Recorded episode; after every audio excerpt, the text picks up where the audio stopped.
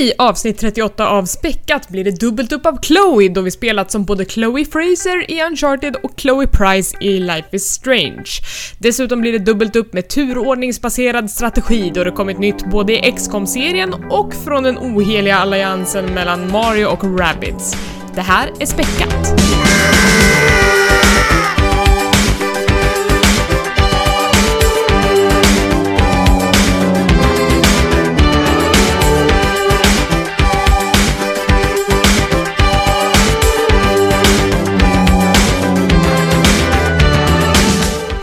Välkomna till Späckat, en podcast om spel och allt runt omkring. Det här är avsnitt nummer 38. Jag heter Elisabeth och med mig har jag Tommy. Hej, hej, hej! Och Niklas. Hej! Hej! Hur mår ni? Bra. Bra, kanoners. Där sjönk energin som en sten. Om det är alltid vem som ska prata först. ja, mm. Kamp varje avsnitt mellan Men det är också det för att vi inte är riktigt live så att vi kan inte titta på varandra och liksom ge så här äh, härliga blinkningar till varandra. Ändå ser jag en spirit här i mitt hjärta. Ja, ja men lite så. Eh, men om vi börjar med dig då Tommy, hur är läget med dig? Jo men det, det är bra men lite, lite tomt faktiskt har det varit de senaste eh, dagarna, eller timmarna kanske. Vi har ju haft, eh, om jag får gå över till tv-serier, får jag göra det? Tittar ni något på tv-serier? Ja, Game of Thrones. Ja, ja men precis, det har ju tagit sitt slut för den här säsongen, det är väl en ny säsong. Eh... Ja, om typ Ja. ett och ett halvt år, vi kommer få vänta aslänge. Varför ska vi vänta så jävla länge på de där helt plötsligt? För att de ska göra dem mycket längre avsnitt. Så att det kommer, de kommer vara typ Ja. långfilmslånga i sista säsongen. Men samtidigt färre avsnitt, det är väl bara sju Ja. avsnitt? Ja, så det kommer ju vara typ lika mycket content, men, men ändå. Ja, det är snurrigt i mitt huvud. Men något som ännu snurrar ännu mer är att Twin Peaks har gått i mål. Mm. Mm. Ny säsong av Twin Peaks har ju, som alla känner till har ju- har ju gått i stapeln för, vad var det, 25 år fick vi vänta, tycker många.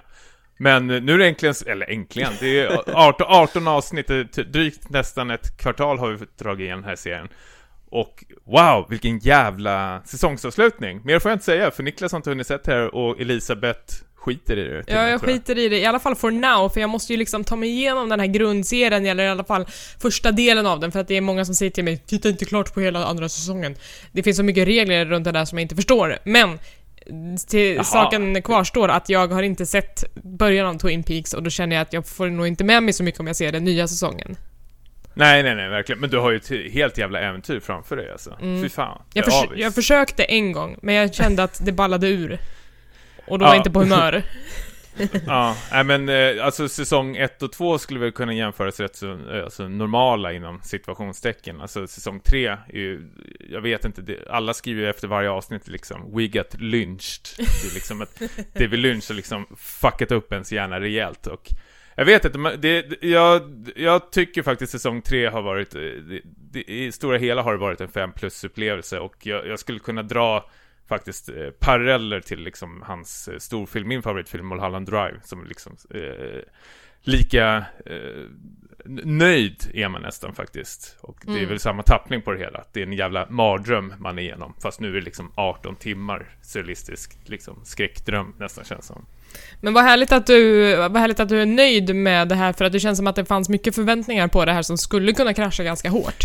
Ja, alltså om jag ska vara helt ärlig när man kollat runt lite så har det ju varit en vattendelare tror jag faktiskt ändå. Eller vad säger du Niklas? Jo, det har det ju varit. Jag tycker väl inte att eh, liksom, det, har håll, det har ju inte hållit eh, toppklass hela vägen kanske, men det har haft ja, mer toppar än dalar om man säger så, och en riktigt stark, stark eh, spurt. Eh, där de verkligen eh, skruvade upp tempot om man kan säga så, att det, det började hända mycket häftiga grejer. Mm. Och jag har som sagt sista avsnittet kvar som ska vara något eh, alldeles speciellt. Eh, Men sen har vi Game of Thrones också. Det, det här följer Elisabeth. Ja, det gör jag. Jäkligt slaviskt. Du är väl Game of Thrones eh, fanatiker nästan? Ja, alltså i alla fall till den graden att jag faktiskt har läst böckerna också.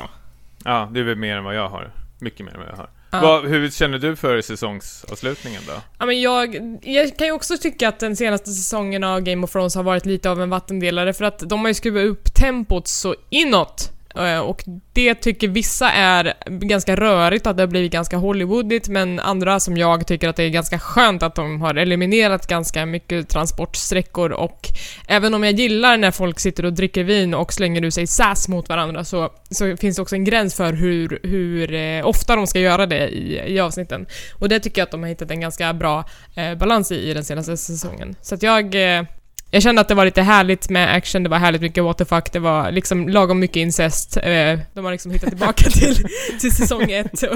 Så att eh, jag är nöjd. Du då? Eh, nej men jag, jag är inget jätte Game of Thrones-fans faktiskt. Jag, jag tycker, det är verkligen inte dåligt, det, det ska jag verkligen inte säga. Jag, jag tittar mest på det för att liksom hänga med i snacket, men jag känner att jag är lika förvirrad i nystarten för varje säsong och liksom pussla ihop alla de här karaktärerna, vad de har för relation till varandra. Men Mm. lyckas få igång det i huvudet efter eh, fem avsnitt. Men jag har ju regel att jag väntar ju tills hela säsongen är klar och sen drar igenom allting i en binge liksom Mm på en, två dagar. Så det var ju otroligt skönt. Men jag, som sagt, jag tycker om Game of Thrones, men det börjar bli lite för uh, uppenbart nu vad det liksom ska barka loss. Eller det har det varit hela tiden, men nu vart man lite nästan skriven på näsan att det här kommer hända till nästa säsong. Eller man kan nästan gissa sig fram, Mm. känns det som. Men det, det ska ju knytas ihop på något sätt också och liksom allting de har byggt upp, det är liksom På ett sätt kan det också bli inkonsekvent om de helt plötsligt går ifrån hela uppbyggnaden som, som de har hållit på med i de senaste sju säsongerna. Eh, Niklas, har du också tittat på den? Ja, visst. Det har varit en hög tid. Alltså jag tycker den har varit eh, underhållande rak, rakt igenom, men att eh, svajade lite på slutet kanske med de här actionavsnitten som eh, vet, drog väl mer åt typ så här Willow fantasy eh, än den mer politiskt Ja. dramaturgiska Game of Thrones eh, som man är van vid. Ja, och det som man blev kär i i början av serien. Ja, men det är fortfarande liksom eh, i en egen klass när det gäller tv-underhållning. Men apropå tv-serier så har jag också liksom gått in i årets besvikelse och det är ju Marvels The Defenders. Jesus! Var det som besvikelse då? Ja men alltså, jag hade nog kanske lite för höga förhoppningar på den, men de, Marvel har ju byggt upp det här nu tillsammans med Netflix. Börja med eh, Daredevil, sen Jessica Jones, Luke Cage och Iron Fist som har liksom varit eh, varierande kvalitet. Jag tyckte att så här, Jessica Jones är ju absolut bäst av dem, sen Daredevil eh, och sen Luke Cage, men sen kom ju Iron Fist och var bara så himla bedrövlig. Eh, verkligen en av de sämst skrivna serierna jag sett på länge. Och eh, då, ta, då liksom, när de ska då åt, återförena, eller, eller förena för första gången de här fyra hjältarna från de här fyra serierna, så, så tar de liksom det sämsta ifrån Daredevil, slår ihop det med det sämsta ifrån Iron Fist, vilket är ungefär allting, och sen så ska det liksom bära hela den här nya serien. Och det blev liksom inte bra. Så det, det tyckte jag var en liten besvikelse. Det enda som man tycker var liksom kul är liksom när de håller på och dryga mot varandra och de scenerna kan jag räkna på en hand. Så det, det kändes inte kul faktiskt. Alltså, jag tyckte om väldigt mycket om eh, Daredevil-säsongerna, men det som liksom, jag har inte sett Jessica Jones eller de andra, men det som eh, höll mig kvar hos Daredevil var ju, för det första var ju antagonisten, eh, Mm. Wilson Fisk. Ja, som var o- helt otroligt bra tyckte jag. Och sen var det ju Punisher också, tyckte Mm. jag var sjukt bra. Och han ska ju få en helt egen serie, så att, Precis. så att de har ju liksom plockat ur det som var bäst i säsong två och, eh, och gett det en egen plattform. Och Ska kvar... Fisk också få en egen serie? Man kan ju tycka det. det Men, vore ju, ja, men liksom... runt och är arg hela tiden. det som blir kvar till Defenders blir ju då liksom de här odöda ninjorna som var verkligen det absolut flummigaste hittills. Barskrapet. Ja, och hans jättekonstiga flickvän som han inte har någon kemi med överhuvudtaget. Ja, besvikelse kan man säga. Mm. Men Niklas, hur har du haft det sen sist? Eh, ja, förutom eh, tv-serier har det blivit eh, en hel del spel, eh, kan jag avslöja. Eh, lite kort så skulle jag vilja informera om att eh, det gamla Playstation 2 plattformsspelet från Naughty Dog, Jack and Dexter, The Precursors Legacy, eh, håller fortfarande efter alla dessa år. Oj, oj, oj, späckat. Hot takes! Där, du hörde det här först. Nej men bara lite eh, kul för att man, man fick, eh, det följde med när man förbokade Uncharted The Lost Legacy. Så det har varit lite kul att bara leka med det. Men eh, vi, eh, vi kommer väl in på de lite mer eh, tunga titlarna senare Eller så avslutar vi här. Ja, men det förtjänar ju en egen litet omnämnande i alla fall. Ja, det ska lyftas fram. Ja, men, men har det varit bara spel för hela slanten då? Ja, jo men det har det varit. Um, Då har vi varit på propaganda. propaganda, ja. Eh, fantastiskt. Två plus. S- Som, som alltid. Nej, det är nog, eh, det det är ju fem plus eh, rakt igenom. Nej fy fan, det där gör du bara för att det ska sticka i mina ögon, eller hur? Ja, kanske lite grann. Blir avundsjuk. Ja, nej men, eh, ja så lite kulturell har man varit. Och eh, också sett eh, The Square på Kulturbiografen, hipstriga eh, sidan av mig själv här i Midsommarkransen. Så, Mycket bra.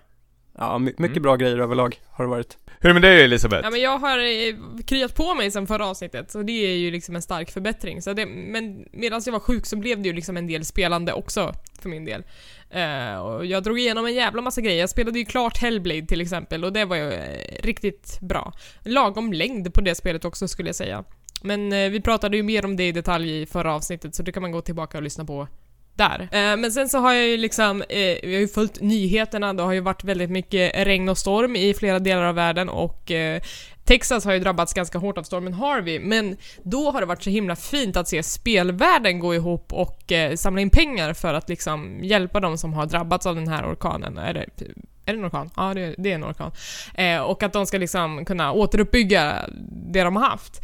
Eh, så då har ju först och främst så har ju Awesome, eller Games Done Quick som de heter, eh, gjort ett extra insatt speedrun marathon under en helg som de då kallade för Harvey Relief Done Quick. Och där lyckades de Alltså bara på de här två dagarna samla in 227 000 dollar eh, till, eh, till, eh, vad heter det, så food banks, alltså, ja men typ, ja, för mat egentligen Ja. eh, till de som har drabbats i, i Houston. Eh, sen så har också Bungie gått ut och släppt en eh, pin, en Destiny 2-pin som man kan, man kan köpa i deras e-shop för eh, 15 dollar. Du får den hem, men du får också liksom ett litet emblem som du kan sätta på din karaktär i Destiny. Eh, och då går liksom de pengarna också till, eh, till en organisation som hjälper personerna som drabbats av det här. Så att det har varit superhärligt att se att spelvärlden också sluter upp. Tycker jag. Verkligen. Mm. Fem plus. Ja. Vi kan, vi kan göra mycket gott också. Vi kan inte bara Ja. göra memes. ja, precis. Vi gör mer än att bara sitter i soffan. Ja. Uh, hörni, på Twitter häromdagen så var det en spelutvecklare som heter Jennifer Schurl som la ut en tråd där hon bad spel, spelutvecklare att eh, berätta om hemliga designknep som de har lagt in i sina spel för att, eh, för att skapa vissa känslor. Har ni sett den här tråden? Jag har bara Ja. hört talas om den. Den var ju superduperfin. Mm. Äh, Den var helt otrolig faktiskt. Kan ni ta några exempel på vad de... Det allra närmaste exemplet i tiden är ju till exempel Hellblade som, som ljög om att det fanns ett permadeath-system bara för att spelaren skulle känna att det var liksom viktigt att överleva och liksom ta sig igenom det utan att, att tabba sig så mycket som möjligt. Eh, Men sen så är det också liksom små mer så här numerära knep som att vissa spel eh, gör så att den sista biten av en health bar egentligen är värd mycket mer än resten av, av health baren så att Mm. Det känns som att man liksom hänger på en tråd hela tiden. Eh, och andra saker som till exempel att, att eh, den sista kulan i magasinet gör mer skada än alla andra för att man ska känna sig som att man liksom precis har klarat sig. Den är ju helt underbar. Det var ju något spelföretag som sa väl att det var väl fyra gånger mer styrka i just den kulan eller vad det var. Ja, och jag tror att det, det var flera utvecklare som hade använt sig av samma knep, men det var mycket så här typ... Eh, eh, Bioshock tror jag hade den, eh, den grejen. Mm. Eh, Men också typ så här när man slåss mot till exempel horder av fiender så är det ofta så att eh, när man vänder sig ifrån fienderna så kommer de röra sig mycket, mycket långsammare för att du inte ska liksom känna att du blir överväldigad bakifrån. Eh, Så det finns en massa sådana där härliga knep som man inte hade en aning om och helt plötsligt känner man sig inte så himla duktig på tv-spel längre. Är det inte lite som en sån här trollkarl som avslöjar sina, Ja. sina magiska trick? Ja, det är mycket som känns förstört efter det här.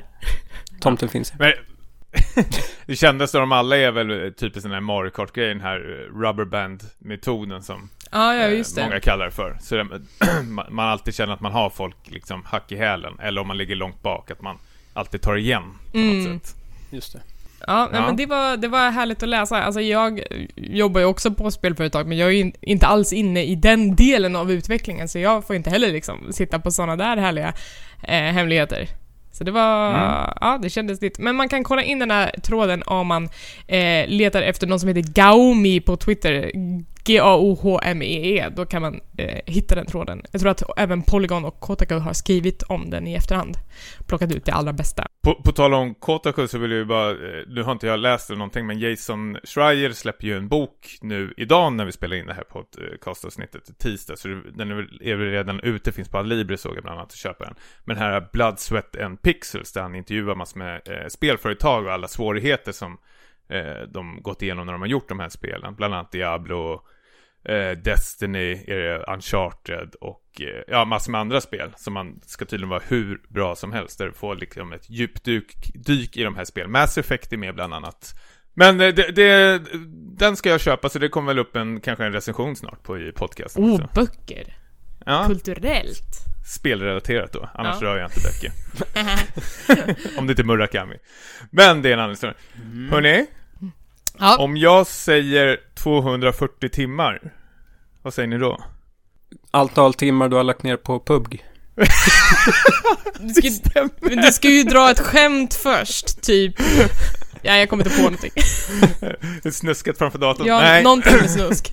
Ja, herrsurfat. Nej, men det stämmer rätt så bra. Jag har, jag måste faktiskt bekänna, jag sitter fast i det här jävla pubträsket och jag är otroligt glad över det. Men eh, samtidigt, fan vilken, eh, vad har hänt egentligen? Pub har ju verkligen tagit över nu känns det som. Mm, de, eh, krossat 10 miljoner kopior sålda nu. För ett Precis. early access-spel som inte ens är liksom lanserat.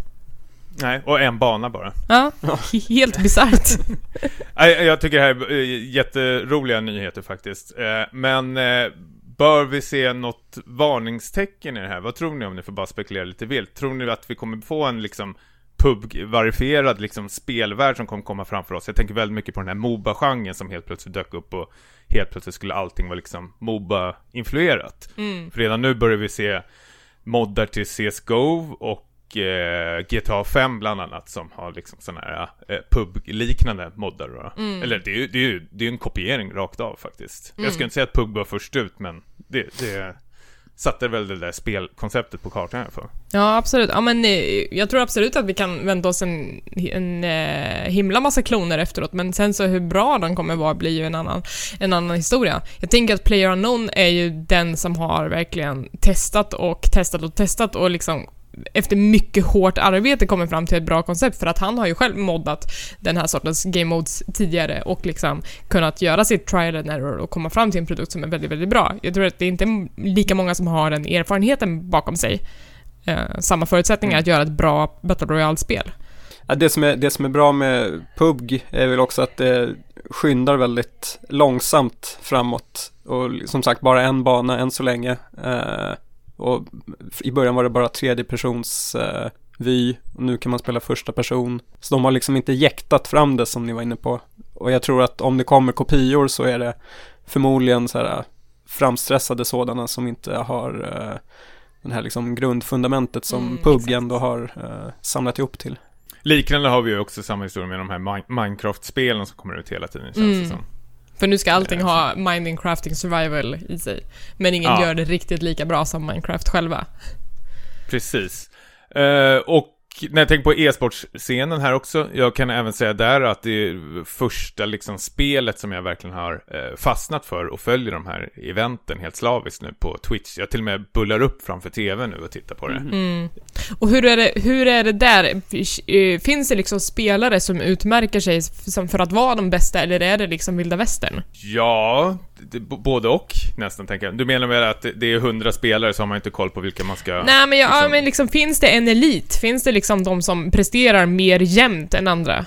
Jo, men eh, det gör det, men samtidigt, alltså, pu- pu- alltså det är väldigt kul att titta på, men det lider fortfarande av väldigt mycket problem. Alltså de kör ju tre ronder och den som har liksom bäst poäng av de här tre ronderna eh, tar ju hem vinsten. Vilket ledde till att en korean som fick väldigt bra poäng de två första omgångarna gjorde att han eh, i slutet på den tredje omgången bara låg och kampade och liksom höll tummarna att han kom på så hög placering som möjligt. Mm. Eh, vilket han lyckades med. Han kom väl på topp 10 då och sen sköt någon honom. Men det räckte tillräckligt för att liksom komma in på första plats. Mm. Och de har väl, nu kommer jag inte exakt ihåg hur poängen ligger till, men till exempel om man kommer på första plats så får man väl 500 poäng och för varje kill får man 5 poäng. Och då känns det liksom om någon har liksom tokdödat folk 15 stycken men kanske kommer på 50 plats så får man inte liksom, är man inte ens i topp 10 då på grund av Mm. sin dåliga placering. Så det måste de ju fixa till, eh, verkligen. Men jag gillar ändå, det är liksom de de är ute, de testar det, funkar det, funkar inte och liksom de ändrar på spelreglerna hela tiden nu känns det som. Så jag ser verkligen fram eh, mot det här liksom om kanske ett, två år när det har fått växt och jag tror det är väldigt mycket för nytt för de här eh, pubskaparna också, ta hand om, eller komma in i e-sporten och förstå hur det fungerar och göra det så Mm. jämnt som möjligt. Och hitta någon slags standardisering för hur man mäter hur någon är bra på PUBG. Ja, det, det är ju otroligt. Alltså för, för, för det andra liksom det här med cirkeln och sånt där. Det är ju, det är ju en helt bara random grej liksom. Ska man straffas för att man landar på liksom västra sidan av kartan när cirkeln dyker upp? Det, det handlar om väldigt mycket tur samtidigt känns det Mm. som. Och tur känns inte som det ska liksom spela in när det kommer in till e-sport, tycker jag i alla fall. Mm. Jag tänkte på en sak, eh, apropå, alltså för PUBG dras ju fortfarande med en hel del så här buggar, som till exempel att du hoppar in i ett spel och så ser du inte husen, eh, men du ser gubbarna eh, och kan pricka, pricka dem från avstånd ganska lätt. Vad skulle hända om i en sån här stor invitational-tävling att någon drabbas av en sån bugg? Vad då gör de startar då? de ju bara om spelet. Alltså, De de, kan ju spek- ja, men de kan ju spectata spelarna, alltså deras point of view, så de ser ju allting, vad som händer på deras Ah, skärm. Så ja. då ser de ju bara att... Så, svara på den frågan. Mm. PubG-experten. Snyggt. Nej, men jag, jag gillar det verkligen. Jag har jä- jättekul med det här spelet och titta på när andra spelar också. Hur, hur känner ni? Ja, Jag är troget kvar i Overwatch. Det är spelet, eh, mitt hjärta bultar fortfarande för den här eh, lilla Blizzard-skjutaren. De har ju släppt det här Team Deathmatch, har du provat den? Mm, Team Deathmatch och Solo Deathmatch då man kör liksom åtta spelare FFA. Jag har provat båda lägena. Jag tycker nästan att köra solo är lite roligare för då får man verkligen sätta sig sina egna skills på prov med, med vilka hjältar man nu väljer att köra. Eh, och fortfarande Precis. inte vunnit än. Men, eh, men man mäter det genom att den spelare som når 30 kills först tar hem rundan. Det blir väldigt problem. Jag började ju spela för att prova det här, jag var jättenyfiken. Men jag märkte ju ett problem på direkten.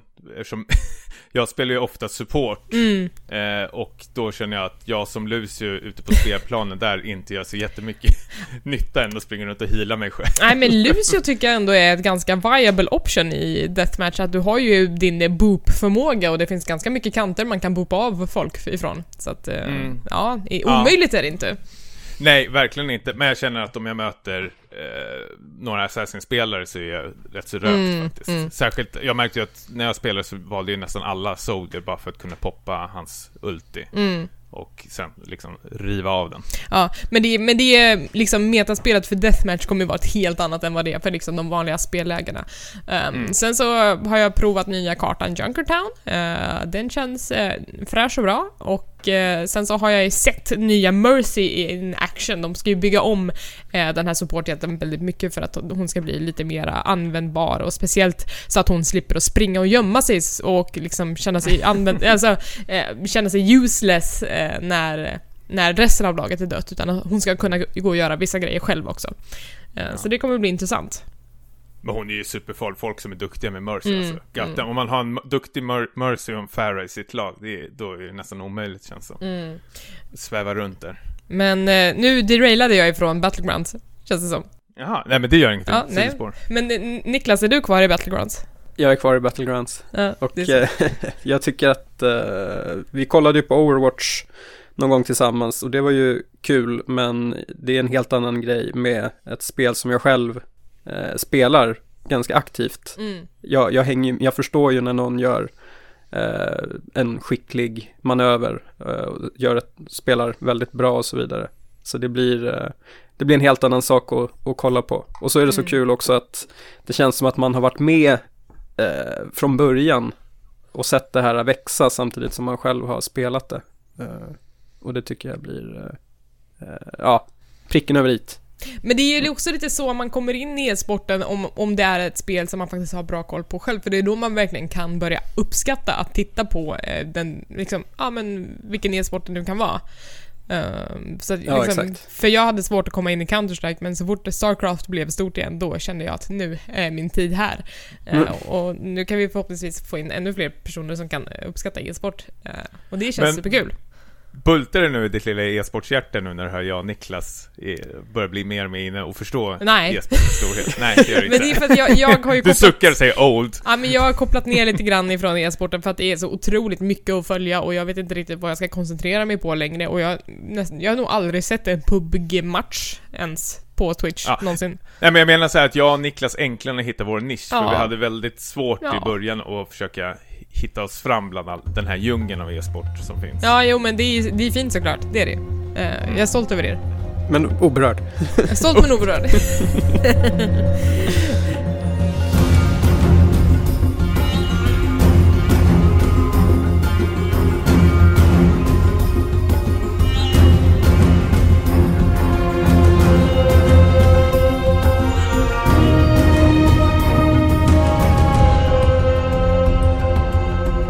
Vidare då till spelen vi har spelat sen förra avsnittet. Jag kan eh, börja och prata lite om Uncharted The Lost Legacy. Vilka av Mm. er har spelat det här? Jag har spelat och klarat. Och du är klar med det? Och Tommy? Jag har spelat, Och Inte Klara? inte klar. Eh, Det här är alltså en, en fristående uppföljare i Uncharted-serien som för första gången tar bort Nathan Drake ur ekvationen och jag känner gud vad skönt. Jag, jag saknar inte honom överhuvudtaget. Istället så får vi spela som eh, Chloe som var en stor del i Uncharted 2 om jag inte har fel. Mm. Eh, Ja. hon, var ju, hon agerade ju liksom getaway driver för, för Nathan och hans gäng. Eh, och jag tyckte att hon var en väldigt schysst karaktär som man tyvärr inte fick se så mycket av och inte i fyran heller för den delen. Eh, men nu är hon tillbaka och hon har faktiskt slagit ihop sig med Nadine Ross som var skurk i Uncharted 4. Eh, men hon har hyrt in henne som en sidekick och de ska bege sig till Indien för att hitta en skatt. Mm. Och det här är ju liksom, det är ju Uncharted liksom. Det är mycket som eh, känns igen från de gamla spelen, eller vad säger ni? Ja, minst sagt. Och ehm, det var, var det tänkt att det här skulle bara vara ett så här kortare DLC från början? Jag har för mig att jag läst det och att eh, sen liksom det spann vidare och växte under utvecklingstiden till ett liksom eget spel. Mm. Eh, och som inte ges ut till fullpris. Eh, men längdmässigt är det ju liksom, det matchar ju de tre första spelen i serien. Men Så- kräver ändå inte att man har Uncharted 4 installerat heller. Nej, precis. Så det är ju inget DLC, det är ett fristående spel. Eh, Ja, det tyck, jag tyckte att det kändes ganska positivt. Det är lite kortare än, än de andra spelen för att eh, Nathan Drake brukar ju lyckas göra nedslag i typ tre olika länder innan han är färdig med sin jakt, men här liksom håller man sig ändå på en plats och gör gör färdigt på det stället där man är. Så Ja, det kändes lite mer komprimerat än, än eh, eh, de tidigare spelen och jag tyckte att det var mycket mer lagom. Ja, jag håller med. Jag tyckte att ett av Uncharted 4s problem var att det var en sån så här mastig upplevelse där man skulle verkligen, man försökte sätta punkt då för Nathan Drakes historia och det var väldigt mycket eh, hoppa tillbaks till liksom flashback när han sitter i fängelse eller när han är ung och eh, liksom, det skulle, man skulle få in nya, eh, nya karaktärer som egentligen har funnits där hela tiden och det var Mm. Eh, det, var, det var långt och det var, ma- man var inte så här sugen på mer direkt tyckte jag när man var klar. Eh, här är det mer liksom lagom, eh, lagom uttänkt tycker jag. Men som du säger så, det är ju inte mycket nytt under, under solen. Nej, det är liksom det gamla vanliga eh, klättra och sen så är det att göra lite pussel och sen så ska man skjuta. Eh, för Chloe och Nadine är ju inte mycket mindre massmördare än vad Nathan Drake var när det begav sig. Eh, så det är mycket som är samma där, men samtidigt så Naughty Dog gör ju också det de gör som allra bäst. De gör helt fantastiskt vackra miljöer.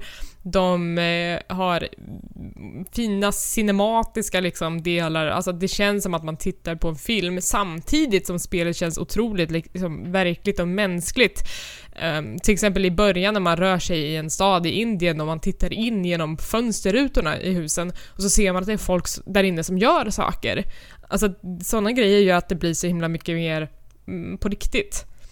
Mm. och samma sak när man sitter och pratar i bilen så har de ju liksom Nadine och Chloe lite så här banter med varandra och om man då hoppar ur bilen så avbryts konversationen men hoppar man tillbaka in i bilen sen oavsett hur lång tid som har gått så säger de ah, var var vi någonstans? Eh, vad pratade vi om innan vi hoppade ur bilen? Och då kändes det som att ah, men det är precis så som folk faktiskt gör. Mm. Uh, och sådana grejer uppskattar jag. Alltså, det är verkligen så små detaljer som gör att det blir så himla himla bra. Ja, ja men mm. verkligen. Uh, Tommy, vad tycker du om eh, uh, Uncharted-spelen?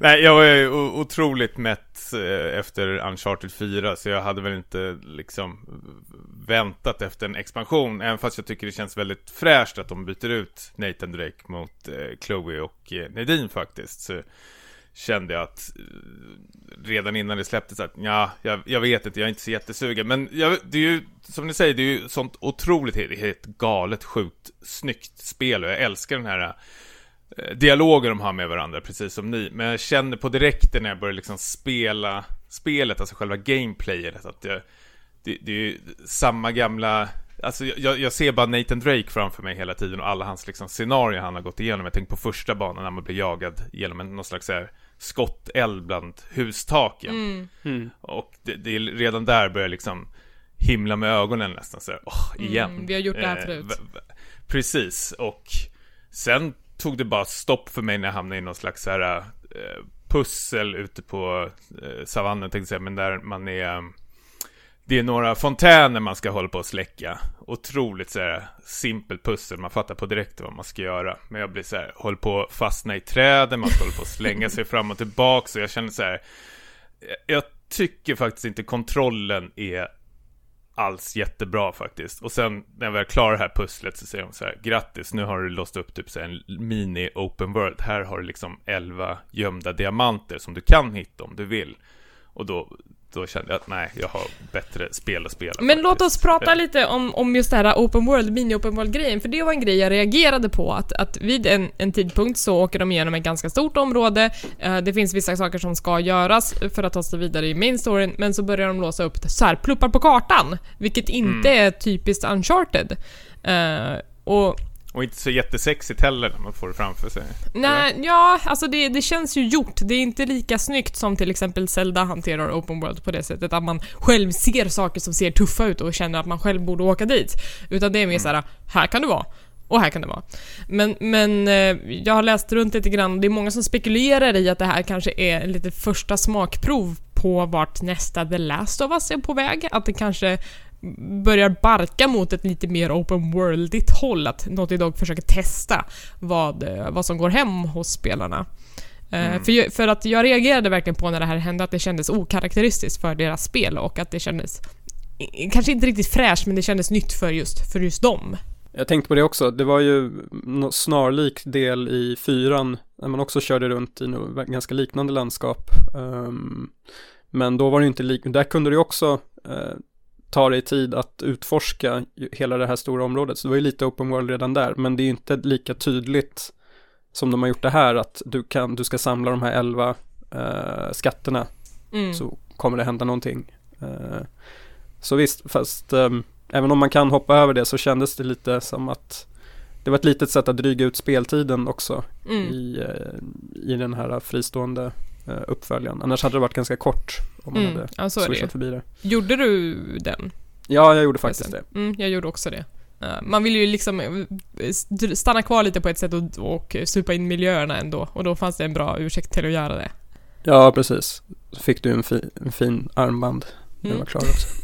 som faktiskt har en funktion, men det ska vi inte spoila ja, för den som, som vill, eh, vill köra igenom. mm. eh, men eh, vad ska vi säga overall? Jag, jag känner att Uncharted Lost Legacy är ett format av Uncharted som jag tycker är mer lättsmält och eh, känns mer passande för serien. Mm. Ja, alltså det är lättsmält var ordet. Alltså man har ju gjort, man har gjort den här resan några gånger och alltså eh, som Tommy var inne på så känner man igen flera scenarier från, från tidigare, tidigare spel, nästan som ett såhär uh, uncharted best of. Uh, på något sätt. Mm. Det finns en sekvens mot slutet som är, känns väldigt tydligt hämtad från tvåan till exempel. Uh, ja, jag vet. Så, ja alltså, som, det är, det är helt okej okay, tycker jag. Men eh, det är ju liksom ingenting som kommer hamna på någon eh, Goty-lista för mig i alla fall. Nej, så är det ju inte. Men, men jag kan tänka att den som, som inte fick nog av Uncharted och som kanske kände att det var för lite Chloe i Uncharted 4, eh, här finns det att hämta. Det gör det. Och eh, hennes banter med Di- Nadine är som sagt superkul att eh, Chloe är väldigt så här, avslappnad medan Nadine är lite mer uptight och lite mer butter men, men eh, de lyckas få till en ganska bra kemi med varandra Mm. ändå. Ja, håller med.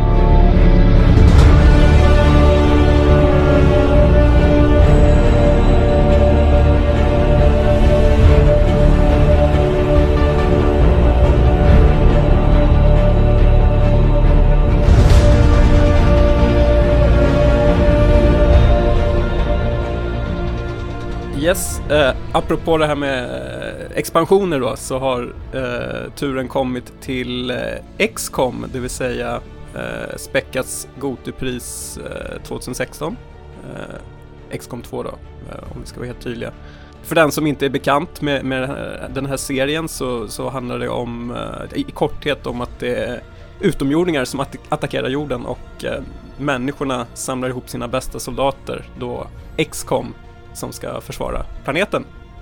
Eh, spelade ni XCOM 2 när det eh, begav sig? Nej, ni lyckades ju få upp XCOM på första platsen utan att jag bidrog med ett enda poäng för jag har fortfarande inte ens rört för den här serien fast jag väldigt gärna vill. Vi kuppade in det. Ja, men eh, jag, jag, jag är helt okej med det. Jag är fortfarande inte okej med Steins Gate. Det är svårt att släppa. Fy fan. Om jag dör någon dag, är det det du kommer säga på vid min begravning då? Ja, alltså? Så Ja. är det. Han Ja, kuppade känns in Steins. Gate på Goty-listan Tommy var 2016. en trevlig människa, men han kuppade in Stein, Steins Gate. ja. Eh, ja, nej men eh, vad var vi? XCOM 2 då. Ehm, eh, det är inte första gången som de gör ehm, en expansion. Det gjorde de faktiskt på förra XCOM också, Enemy Unknown. Så de är lite, lite vana vid den grejen. Och Eh, man kan säga lite snabbt om XCOM 2 att det, det utspelar sig eh, 20 år efter ettan. Eh, och grejen är att utomjordingarna, de, de vann och tog över jorden. Men i tvåan så ska då liksom spillrorna av mänskligheten samla ihop sig och försöka göra sista försök att, att slå tillbaka den här invasionen.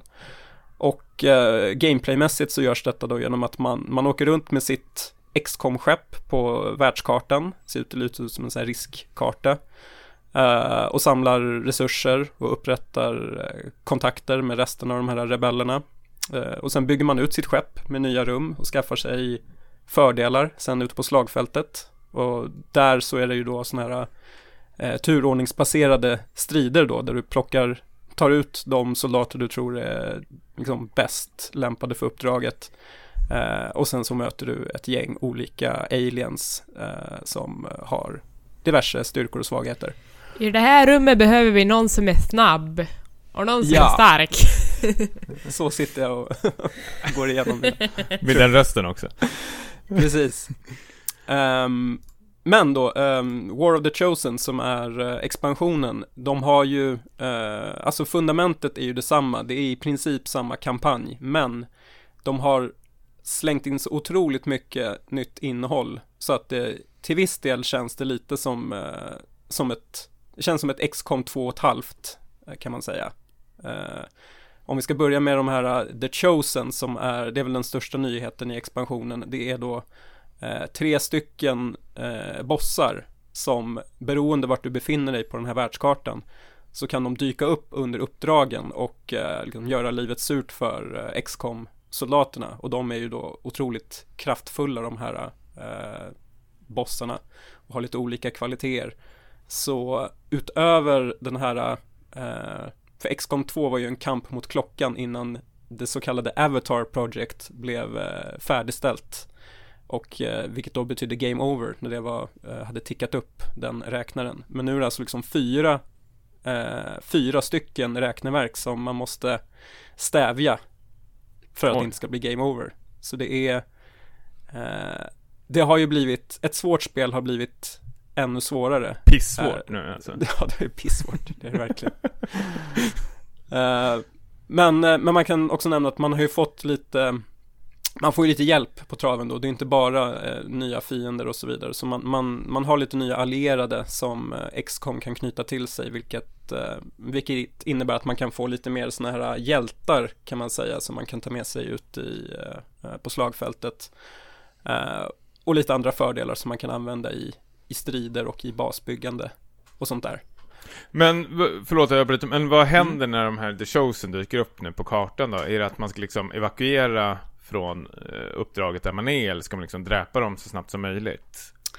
Du kan göra både och faktiskt. Ja. Du får ju poäng om du lyckas ha ihjäl dem, men de kommer inte, eh, de kan dyka upp igen då på nästa uppdrag, utan för att för att stoppa dem helt så måste du göra ett, ett par stycken specialuppdrag eh, och sen söker du upp den här uh, chosen figuren i hembasen och så dödar du den där.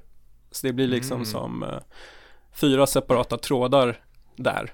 Uh, men det är ju extra drygt när, när du är inne i ett tufft uppdrag, uh, liksom där, ja, det, det är liksom du, du blir attackerad från alla möjliga håll och så kommer också en, en chosen som hoppar in och ja, då är det så här, ja, tar man sig för pannan kan jag säga. Uh, och gillar och du det eller börjar du sucka? Alltså jag gillar ju det. Jag, jag är inte klar än, för det finns ytterligare en, en fiende som, uh, som dyker upp och det är en sån här zombie-ras som heter uh, The Lost. Som också kan dyka upp lite slumpmässigt på uppdrag. Och det är ju då liksom en sån här zombie-klass som uh, kan komma liksom tio stycken mot dig och bara springa. de dör i och för sig oftast på bara ett skott, men de är jättemånga och de, de dras till, till smällar och så, så då granater blir liksom inte lika användbara mot de fienderna. Uh, för ja, det kommer fler och fler. Så ni hör ju, det är ju, det har inte blivit lättare. kan jag lugnt säga. Uh, Största frågan är, hur många gånger har du fått starta om hela spelet? jag har faktiskt inte gjort det än så länge. När jag spelade XCOM 2, då fick jag starta om efter 20 timmar, för jag insåg att jag har, eh, jag har inte spelat taktiskt väl. Jag kommer inte klara det här.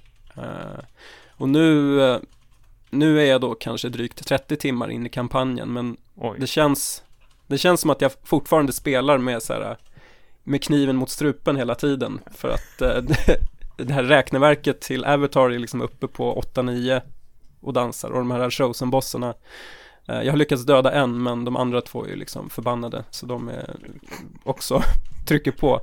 Så man är liksom attackerad från flera flanker kan man säga. Ja. Som i verkliga uh, livet nästan.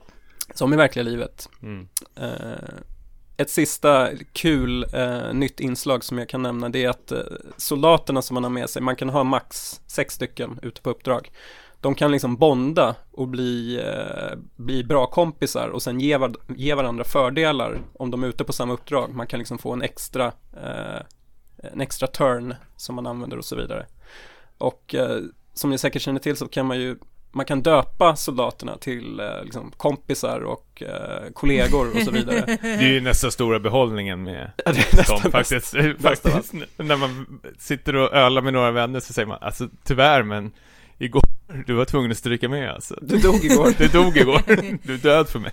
ja, precis. Uh, och nu, nu blir det en sån extra grym twist på det för att jag har ju döpt gubbarna för att det för att det ska bli så enkelt som möjligt att veta vilka som har bondat så har jag liksom döpt eh, till exempel, eh, ja, Elisabeths gubbe eh, har ju bondat med din sambo Micke. Så att det blir så här logiskt att uh, ha dem tillsammans på uppdrag. Men då blir det ju liksom nästan makabert när, när det inträffar då att Micke blir så här skjuten i småbitar framför oh, Elisabeth. Som då såklart får så här chockskador av det här och liksom inte blir sig själv igen. Oh, nej, det gets dark! det tog en mörk eh, twist, en vändning här, det var inte meningen men, eh, men, men det är sånt som händer i XCOM 2, War of the Chosen. Men jag tror att jag har figurerat i minst tre olika saves av XCOM hos olika personer. Så att jag har ju liksom jättemycket livsöden som jag inte ens vet om. Det känns konstigt. Ja, du lever fortfarande i mitt uh, spel. Ja, men är skärrad för livet. Ja, det är du. men det här är någon slags The Sims fast för uh, vuxna. 15-årsgräns nästan. Ja, det är det verkligen. Um, nej, men uh, avslutningsvis skulle jag säga att um, uh, alltså jag, jag, trodde inte riktigt att, för jag drog igenom XCOM 2 för inte så länge sedan. Det var ju någon gång vid årsskiftet där. Um, men det känns ändå som att eh, jag är liksom fast i det här träsket igen och kör gladeligen igenom kampanjen ytterligare en gång. Eh, sen så vet jag inte riktigt om jag skulle rekommendera nybörjare att börja just med detta. eh, I och med att det är, tycker jag, det svåraste XCOM spelet hittills.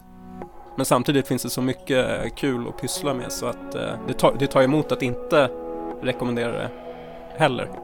Mm. Så ja, kanske för de stora fansen först och främst.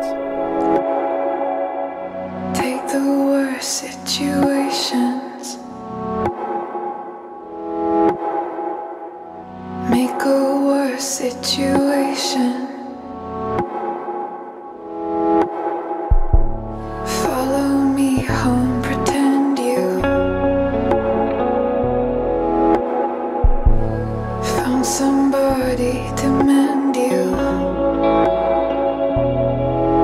Vi ska, vi ska prata mer XCOM snart.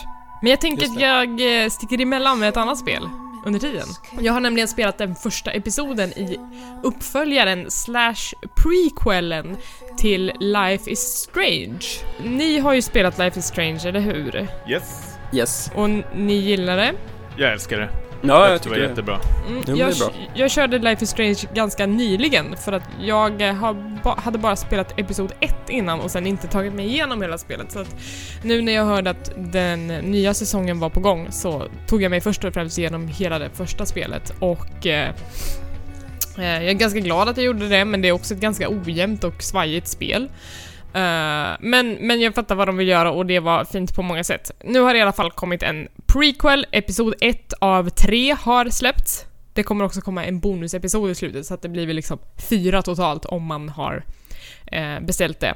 För det är en del av uh, någon slags deluxe edition. Då får man en extra episod den här prequelen ska då följa karaktären Chloe som var liksom en av de stora huvudkaraktärerna i Life is Strange och livet innan Max kom tillbaka till Arcadia Bay.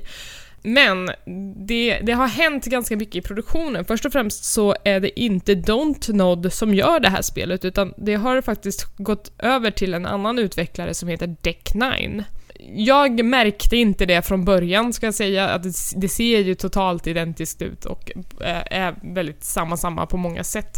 Kanske till och med så mycket samma att man eh, kanske önskar att de hade förnyat lite mer på vissa håll.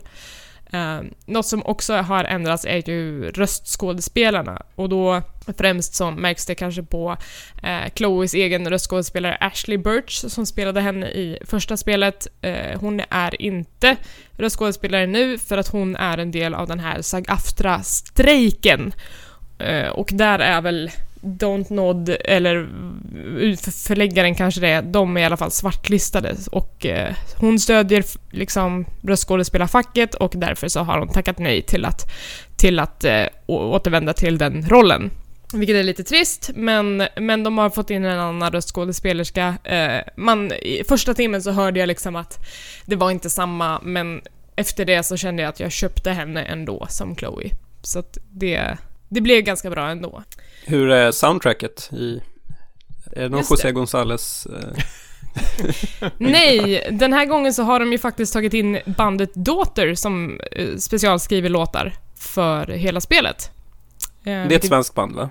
Nej, de är alltså från England. Jag har varit och sett dem en gång på Debaser, jag tycker att de är grymt bra. Jag tycker att det är ett så bra val för Life is Strange. Uh, för det är väldigt så här, känslosam uh, musik med liksom en kvinnlig vokalist och uh, andas lite, lite postrock nästan. Fast alltså, deras genre är indie-folk, men ja, jag tycker att de är ganska breda och bra på det sättet. Jag ska inte säga för mycket om handlingen, men jag tycker att episod 1 av Before the Storm var ganska svag. Um, det handlade mycket om att liksom kanske orientera spelaren och kanske speciellt spelare som inte har spelat det första spelet i liksom vem Chloe är och vart hon befinner sig i livet. Uh, vilket, det blev liksom bara en samling scener som inte riktigt presenterade en konflikt eller en handling. Uh, så att jag vet fortfarande inte riktigt vart det här spelet är på väg någonstans. Life is Strange säsong 1 startade ju liksom mycket mer med, med buller och brak när eh, Max hittar sin superkraft och eh, det första hon ser liksom är en, en tjej som blir skjuten i, i eh, toaletten på skolan liksom. Uh, men här har det varit lite mer såhär, ja, jag gick och pratade med mamma och sen så gick jag till skolan och sen så, ja, det blir lite helt annan grej. Det blir mer åt uh, Dispengs realismhållet nu. Ja, faktiskt. Och, ja. Eh, och det kan också vara bra på ett sätt för att det är ganska starka känsloladdade scener när man liksom kommer tillbaka till eh, familjen och hur den hanterar hennes pappas bortgång och så vidare. Eh, så det är klart att det är inte det är inte helt känslokallt heller på det sättet. En liten bit av kritik som jag kan ha mot det här, utöver liksom själva handlingen, är att eh, Chloe som karaktär, hon är ju ganska liksom skadad just för att hennes pappa har gått bort, hon halkar ganska mycket snett i livet, hon börjar leva ganska självdestruktivt. Eh, någonting som liksom, har man spelat säsong 1 så har man liksom koll på hela den grejen, men nu när man spelar som henne så får man ju liksom en helt, ett helt annat perspektiv på de sakerna. Och jag kan känna att eh, manusförfattarna till det här spelet inte har gjort det på ett bra sätt. Jag tycker inte att de på ett trovärdigt sätt motiverar varför hon är destruktiv. Eh, och jag ska vara superkrass och säga att det beror förmodligen på att de som skriver för det här spelet är 30-åriga män. Mm. och det här har ju varit liksom kritik som har hängt med ända sedan första spelet. Eh, det är nästan inga kvinnor med i produktionen. Hur kan de göra ett trovärdigt spel om tonårsflickor? Eh, och för mig som liksom har haft eh, vänner runt omkring mig, speciellt under tonåren, som var, som var självdestruktiva på, många på samma sätt som, som Chloe är i det här spelet. Eh, jag känner inte igen resonemanget bakom vissa av, av sakerna som hon gör. Eh, så där, hade, eller där lämnar de ganska mycket att önska. För att eh, för den som är oinsatt så kan det framstå som eh, självupptaget och eh, ja, omotiverat. Med andra ord så gjorde Night in the Woods det mycket bättre på den delen. Absolut, absolut. Ja. Där har man ju liksom någon slags A1. Fångat det. Mm. Eh, så här ska man göra. Eh, så är det. Eh, så att det, det kan vara någonting som känns lite skevt med det här spelet. Men jag kommer ju fortsätta spela uh, Life is Strange när nästa episod kommer. Jag vet inte när det blir. Jag streamade det här på min Twitch-kanal faktiskt, så vi får se om, om, om jag gör det på nästa episod också. Mm. Spännande. Jag ska ju verkligen spela. Jag tyckte om första spelet väldigt mycket, men jag tror det var mest för soundtracket och själva stämningen. Jag skulle inte kunna mm. säga att jag vissa delar kände man väl sig igen men liksom det var mer musiken som spelade på eh, mina, mina knappar. Jo, och det var så himla bra placerad musik, att det så här, rätt mm. låt kom verkligen på rätt ställe där man bara fick rysningar över att den, den satt så jävla bra. Ja. Eh, och riktigt, eh, något sånt moment, det finns kanske något sånt moment i den här episoden, men inte på samma sätt som, alltså precis i början av säsong 1, episod 1, eh, och hon går ut i klassrummet och sätter på sig hörlurarna och den här låten To All of You börjar spelas. Alltså, det är gåshud på den. Mm. Spännande. Fortsättning följer.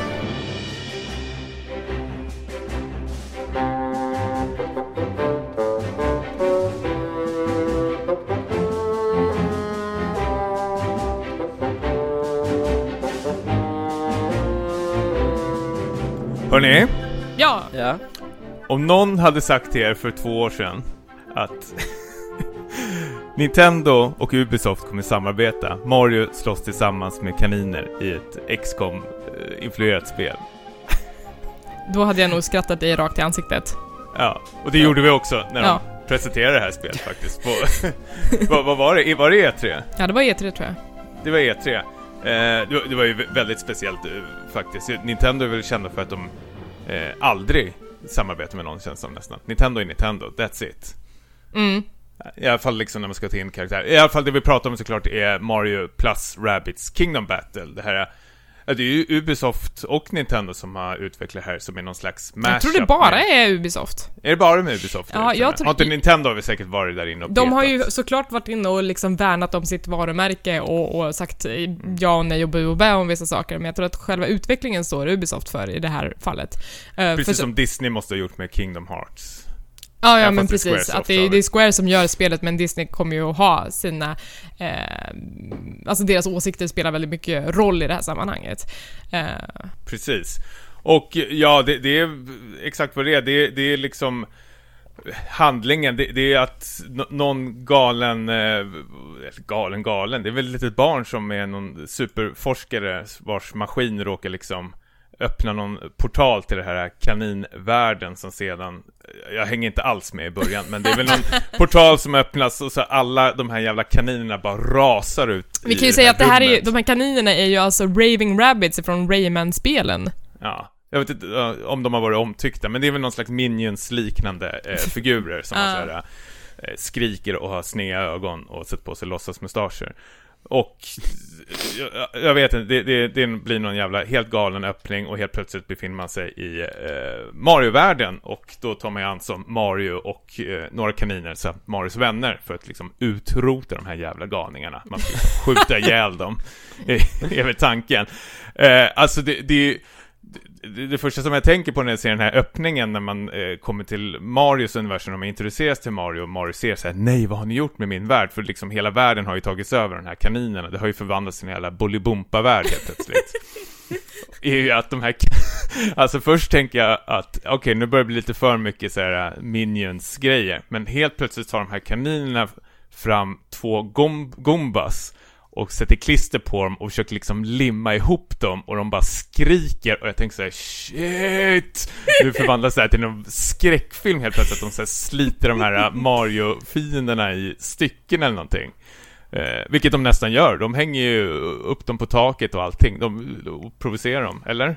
Ja, alltså det, det är mycket i den här öppningssekvensen som bara känns så himla himla konstigt att så här, det, det, det är inblandat något slags VR-headset som slår ihop två saker till en sak, till en ny sak liksom. Och då är det liksom både rabbids och varelser i, i svampriket som får sätta, typ sätta livet till som hamnar i liksom helt nya former och de verkar inte vara superglada över det här så att det är liksom jag tycker att det finns något mörkt över den här handlingen, absolut. Ja, verkligen.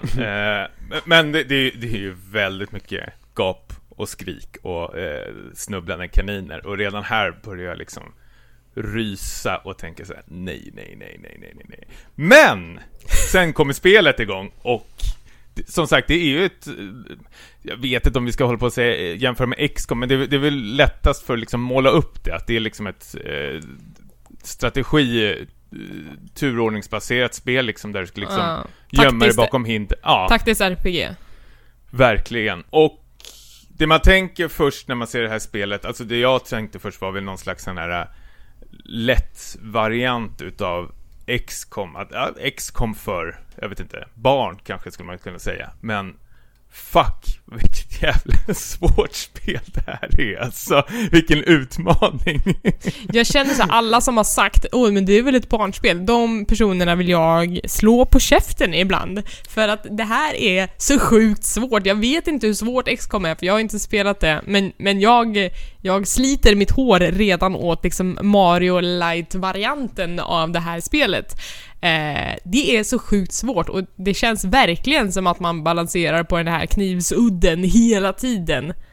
Alltså de har gjort rätt så mycket justeringar, alltså för folk som har spelat X och inte spelar det här utan det, det, det är väl lite mer att om du, om du misslyckas med en bana så är det liksom ett knapptryck ifrån att liksom nu kan du restarta den, vilket är, inte jag ser alls något negativt med, utan de tar ju den här XCOM-svängen fast på sin, sin egen tolkning och jag har verkligen ingenting emot det. Jag hade inte bett om att jag skulle sett ett liksom renodlat XCOM i Mario-miljö, utan de har sina egna abilities, man hoppar på fienderna, man använder hammare, eh, vad är det mer man gör? Man hittar svampar och allting sånt där. Alltså de har ju tagit alla de här roliga itemsen från Mario-världen och satt in det i den här XCOM-miljön, om man förklarar det så. Mm. Och jag vet inte, jag som som sagt älskar XCOM, jag verkligen tok älskar det här spelet. Det är helt underbart till eh, switchen faktiskt. Mm. Det, trodde jag aldrig jag skulle säga, men det här är, om man bortser från allt det här eh, snubblande och alla de här eh, filmsekvenserna som jag har lyckats liksom slå av i huvudet varje gång de dyker upp, så tycker jag att det här är ett, gameplaymässigt så är det ett skitbra spel faktiskt. Jag eh, håller ju inte med angående Rabbids för att jag tycker att de är hysteriskt roliga.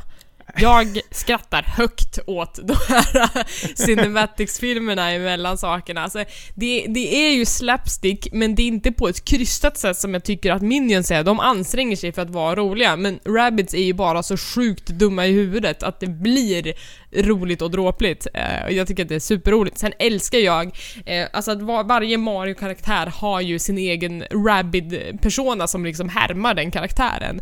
Och jag tycker att de är liksom klockrena. Att Rabid Peach har ju blivit liksom någon slags ikon för det här spelet, men hon har en sån här härlig attityd till allting. Eh, någon slags diva.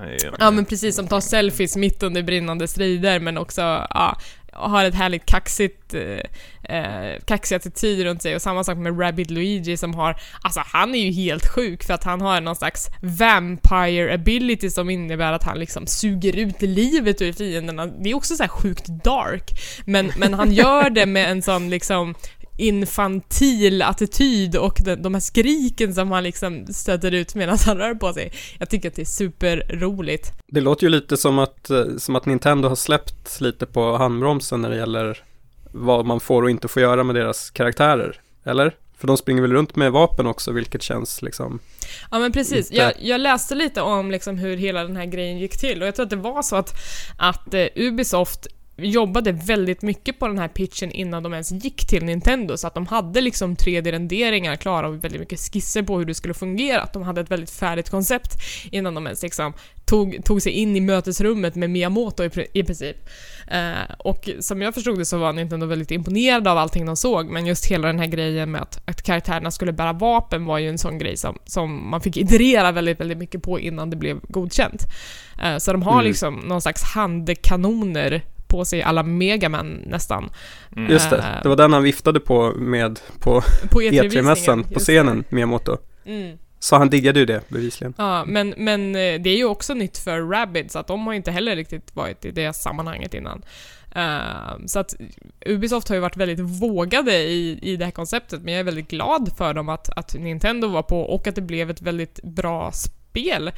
Mm. Uh, och det, det uh, på E3-visningen så var det ju liksom utvecklare som satt och grät i publiken för att äntligen så hade liksom det här burit frukt, att de var så otroligt stolta över, över det som de hade gjort. Så det känns som att det har gått in mycket kärlek i det här spelet. Mm. Nej men de har ju verkligen lyckats med det omöjliga här, tycker jag faktiskt. Eh, och det, alltså det jag gillar mest är så, alltså inte bara spelet men själva switchen. Alltså det är så skönt att ha den här, äh, spela handhållet tycker jag. Mm. Just det, den här typen av spel. Det är ju drömmen nästan att spela liksom sådana här XCOM-spel och ta med sig liksom på bussen eller ligga i sängen och pyssla. För det du, du, tar ju din egen tid och planerar ut din strategi och allting och det är, jag, jag vet inte hur många liksom nätter jag har legat nu och liksom suttit smått, ja ah, men bara en bana till, ja ah, men en gång till mm. och så håller på. Man blir väldigt fast i det här på direkten faktiskt och i det här finns ju också någon slags ability-träd, du går upp i level med dina karaktärer kan man ju säga. Alltså man, man sätter dit nya abilities på dem och skräddarsyr dem hur man vill ha dem, hur de ska spelas ute på slagfältet. Så jag tycker det, det finns väldigt mycket att göra och pyssla och jag tycker banorna som man eh, stöter på eh, har ju väldigt hög variation tycker jag ändå. Mm, och att det finns de här miljöbaserade pusslerna så att mellan varje liksom encounter så kan du gå och lösa en massa småpussel längs med vägen. Och vissa mm. av dem är låsta tills du har klarat hela den här världen så att det finns också en, ett värde i att gå tillbaka till gamla världar och spela om dem och liksom mm. försöka hitta alla hemligheter som är, är gömda där. Um, så att jag tycker att det känns, det känns omspelbart på ett väldigt avslappnat sätt. Vissa pussel tycker jag kan vara lite ifrågasättande, eh, särskilt belöningsmässigt när man suttit och knepat med ett pussel eh, några minuter eh, som man känt, att men det här var lite svettigt och så öppnar man den här eh, lootlådan eller vad det är för någonting. Och så är det typ såhär, grattis, du vann en 3D-modell på Luigi som du kan titta. Och jag är såhär, alltså, sånt, så, jag, alltså man, oftast 90% av fallen tycker jag ändå att det är väl bara eh, skitsaker man får i de där lådorna. Utan mm. det man vill ha är ju sådana här små poäng som man kan lägga på sina ability points. Sen ser jag ju resten som rätt... Eller man kan ju låsa upp vapen förstås kan man göra. Mm. Eh, med, med hjälp av dem. Men det är väl typ det som jag tycker är mest nödvändigt. Alltså när jag låser upp ett soundtrack-spår, jag blir så här, jag, jag vet inte, jag kommer aldrig lyssna på det här. Det står att jag har klarat x antal procent mer, det är väl det enda som det hjälper kanske. Mm. Mm. Sen finns det ju vissa grejer i manuset känns också så väldigt fanserviciga. Uh, eh, jag vet inte, det känns som att vissa delar av det bara är liksom fanfiction. Att de har ju liksom slängt in en, en utomstående karaktär som varken hör till Mario-universat eller Rabbids-universat som agerar någon slags eh, narrator för, för hela spelet och ja, den känns så himla inkrystad och de sakerna de säger känns väldigt eh, out of character för, för Mario-universumet. eh, mm. Så att, så att eh, och, och liksom ibland så, jag har sett referenser till Game of Thrones i de här collectible-grejerna man plockar upp också så att det blir liksom lite ah, det blir vissa saker som bryter mot hela den här Mushroom Kingdom-illusionen. Eh, mm. Men det är inte, jag tycker inte att det stör för att jag är inte här för dialogen riktigt. nej, nej men jag håller verkligen med utan det är ju gameplayet verkligen man sugs in för och, få en att fortsätta spela faktiskt. Jag har mm. väldigt kul med det. Plus att när man klarar spelet så finns det så här sjukt mycket challenge och allting att göra. Så det finns mycket, det är ju, vad är det, 30 timmars spel liksom vi pratar mm. om. Så ja. du, du, får ju verkligen valuta för pengarna tycker jag. Det här är ju, skulle jag verkligen rekommendera till folk som, om man undrar om man ska köpa Switch och redan spela Zelda eller liknande, så är det här verkligen ett givet köp tycker jag. Mm. Om man gillar den här typen av spel. Superrolig. Alltså det är ju på den nivån att egentligen så var det Micke som köpte det här spelet till Switch för att han gillar XCOM. Eh, sen så tog jag det. Han har inte fått spela det sen, sen dess. nej, nej, men det var samma sak här hemma faktiskt. Min fru tog över och förklarade först och sen fick jag spela det nästan känns som. Så, ja. ja. Så det går hem även i de mest oväntade sammanhangen. Verkligen. Men eh, jag tycker att det, switchen går från klarhet till klarhet faktiskt. Ja, faktiskt. Jag måste nog börja krypa mer och mer till korset faktiskt. Jag har inte varit så jättepositiv till början till switchen, men eh, jag känner verkligen den här, Jag rör knappt Playstation längre. Jag tycker här, switchen är nya svarta faktiskt. Mm. Späckats topp tre-lista.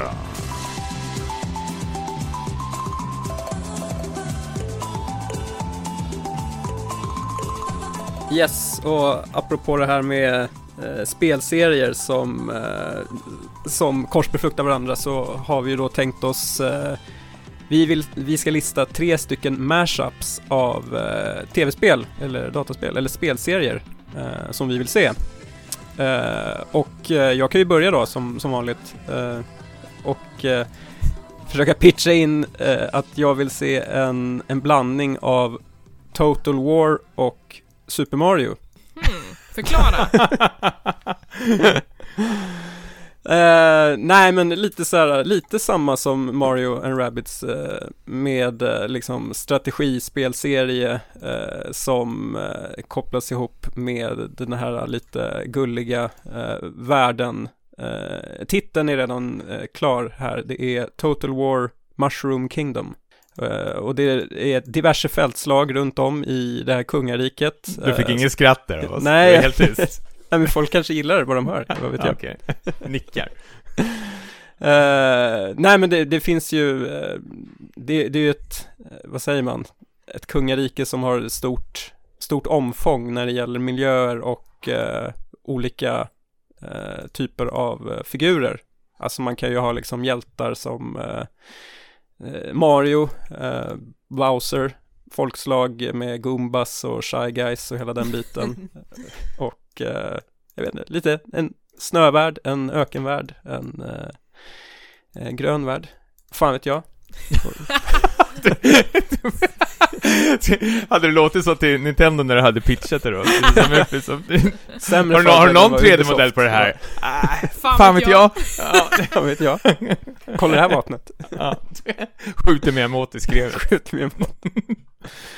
Ja, nej men eh, jag vet inte. Alltså tacksamt med Super Mario för att det finns så mycket, så mycket att ta av, tänker jag. Det känns som att Mario har ju varit inne på och liksom nosat på varenda genre nu vid det här laget ändå, så han kan lika gärna eh, ta sig an en till. Mm. Hade du greenlightat det här Elisabeth? Ja, jag, ja. ja. Tänk att rida runt på Yoshis och ta sig in i Bowsers slott. Ja, men jag, jag, eh, jag skulle investera i det här spelet. Eh, jag kan ta nästa. Jag, känner att jag ville göra någonting där man slänger in karaktärerna i Splatoon i all deras cartoonighet och kaxighet och bara liksom få in dem i det mest gritty sammanhanget som finns.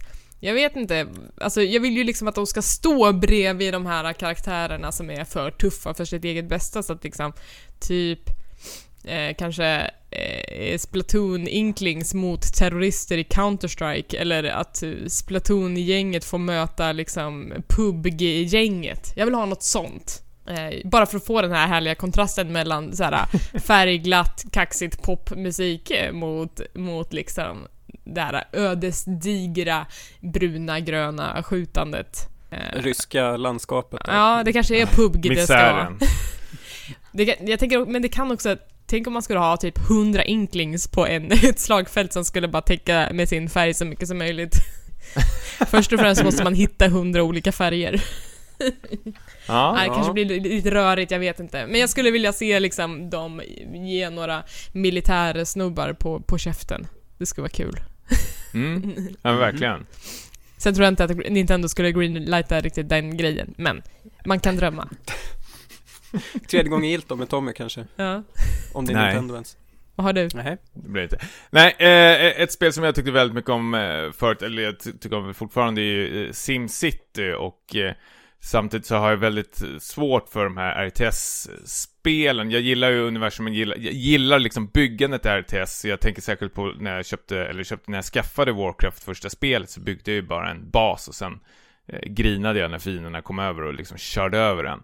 Och eh, jag gillar ju Starcraft väldigt mycket och jag skulle vilja se någon slags eh, SimCity-variant möter Starcraft-universumet att du bygger upp ditt eget liksom imperium fast då att du spelar de här äh, Marines, de har väl säkert något finare namn Terrence. Terrence, precis. Och eh, ja, man kanske har några av de här militärskolor som fungerar som vanliga skolor. Man har liksom ett, eh, ett system som måste fungera. Man ska liksom bygga gator och allting. Det är, de är ju människor de också. Och så kanske de här, äh, eh, vad heter de här alien-monstren då? Zerg. Zerg, precis. Jag tänker SimCity så drabbas man ju av så här naturkatastrofer och kanske de här Zergsen kommer in och så får man väl så här städa upp eller något liknande. Men det ska gå i någon slags SimCity-takt Mm. utav det hela. Eller att man inte ens behöver se att Zergsen kommer in utan att det bara kommer ut på pappret att oj, nu ska vi skicka iväg våra soldater på det här och det här och så kanske inte gick så bra så går man i eh, minus i ekonomi eller något liknande. Mm. Så man ska hålla någon slags så här, infanteri eh, ekonomi. Ja, och du måste där. också fredsförhandla med protosserna för att annars blir de sura. Just det, ja men sånt där. Det finns mycket att hämta här. Jag, jag är inte jättebevandrad i Starcraft-universumet, men jag gillar liksom designen och allting, karaktärerna. Ja, men du, du vill liksom snyggt. ha, du vill ha världen men du vill inte ha konflikterna.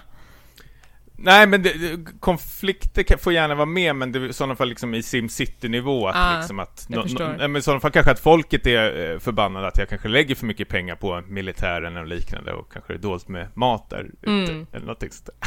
Ja, ja men jag, jag eh, jag är glad att det var inte jag som tog Starcraft för en gång. Nice. Ja, Ja, ja jag gillar det. ja Ja. kul. Ska du sälja in det här till Blizzard? Vad heter de här soldaterna nu då? Vad heter de? Terrans. Ja, precis. Jag säger så att det blir så. Ni vet de här... Terran So, Typhoon. so, so- soldiers you have, you know, uh, fights against the Zergs? Terrans? Do you mean Terrans, sir? No. Yes? No, No, I mean the Marine, the Space Marine. No, yeah, I like the design. yeah. Isn't this Warhammer Space Marine? 40k? Hello? sir? His Ja. pitch. Ja. Mycket bra. Mm. Ja men grymt. Eh, har lyssnarna några mashups som ni skulle vilja se i spelvariant? Frå- eh, skriv till oss på, på Twitter vet jag. Eh, vi kommer dra i hela kontaktharangen sen i slutet av avsnittet. Vi ska väl börja avrunda tänker jag. ja. Förresten, vi Mm. fick ju ett svar på frågan om, om farbror Fester av någon som inte har googlat. Vad var det då? Eh, det är tantfarbrorn på Twitter som skriver att Fester är väl dessutom Gomez farbror. Men i filmen med Raul Julia så är han hjärntvättad att vända sig mot familjen. Just det. Så att det är väl Mm. lite som vi sa, att det är bara i filmen som det blev någon slags eh, annan variant på, på släktskapet där. Ja. Ja. Ja. För vi får släktforskare där kanske. Nu är det tillåtet att börja googla på, på farbrorfester. Ja. Två veckor senare.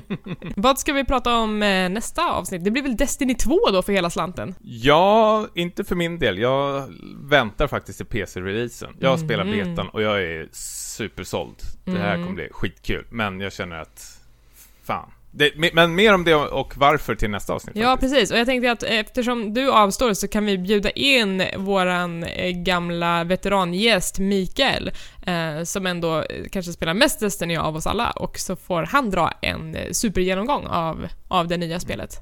Du kommer inte spela det här? Jag kommer att spela det, men jag, jag tror att eh, Micke kommer ha mer eh, paralleller att dra till det gamla spelet, för att jag har ju bara liksom snuddat vid det väldigt ytligt. Men- Men det blir ju perfekt ju. Då blir det veteranen mot rookien då. Ja, ja, men precis. På båda sidorna. Vad, eh, vad eh, kommer du spela Niklas? Blir det Destiny för dig med eller något annat? Eh, det blir något annat. Mm. Vad kan jag inte utlova. Nej. Eh, jag har börjat nosa lite på nya Yakuza-spelet också. Men eh, Just, vi får se. Det, det känns som ett så himla stort Nya, nya. Eh, åtagande så att jag vet, vet inte om jag kommer hinna komma någon vart innan, eh, innan det är dags att spela in igen. Men någonting blir det i alla fall om två veckor. Yes. Yes. Mm. Eh, så om du som lyssnar har frågor, funderingar eller någon mashup ni vill tipsa om så kan man mejla oss på späckatpodcast.gmail.com På Twitter heter vi @späckat och på Instagram heter vi @späckatpodd. Hur når man eh, Tommy på sociala medier? Twitter, Tom understreck Jansson, det här grina till Twin Peaks och eh, Instagram, Stimpas. Niklas? Mig når man på Niklas Lundqvist eh, på Twitter och eh, OneLess Niklas Instagram. Och jag heter Hangry Eli på Twitter och Hangry Spice på Instagram. Eh, och sen som sagt, om, om ni gillar den här podden, glöm inte att lämna en liten stjärna på iTunes, eller recensera den till och med, för det hjälper oss jättemycket. Vi skulle bli superglada om ni gjorde det. Yes. Just det, det blir ju Comic Con också! Bra, det tar vi också. Ja, då har vi, då har vi en del att prata om. Härligt, då får vi väl eh, säga hejdå. Puss på er. Tack för att ni har Hej. lyssnat. Hejdå! Hej. To all of you American girls, it's sad to imagine a world without you. American girls, I'd like to be part of the world around you. Driving a car by the seaside, watching the world from the bright side.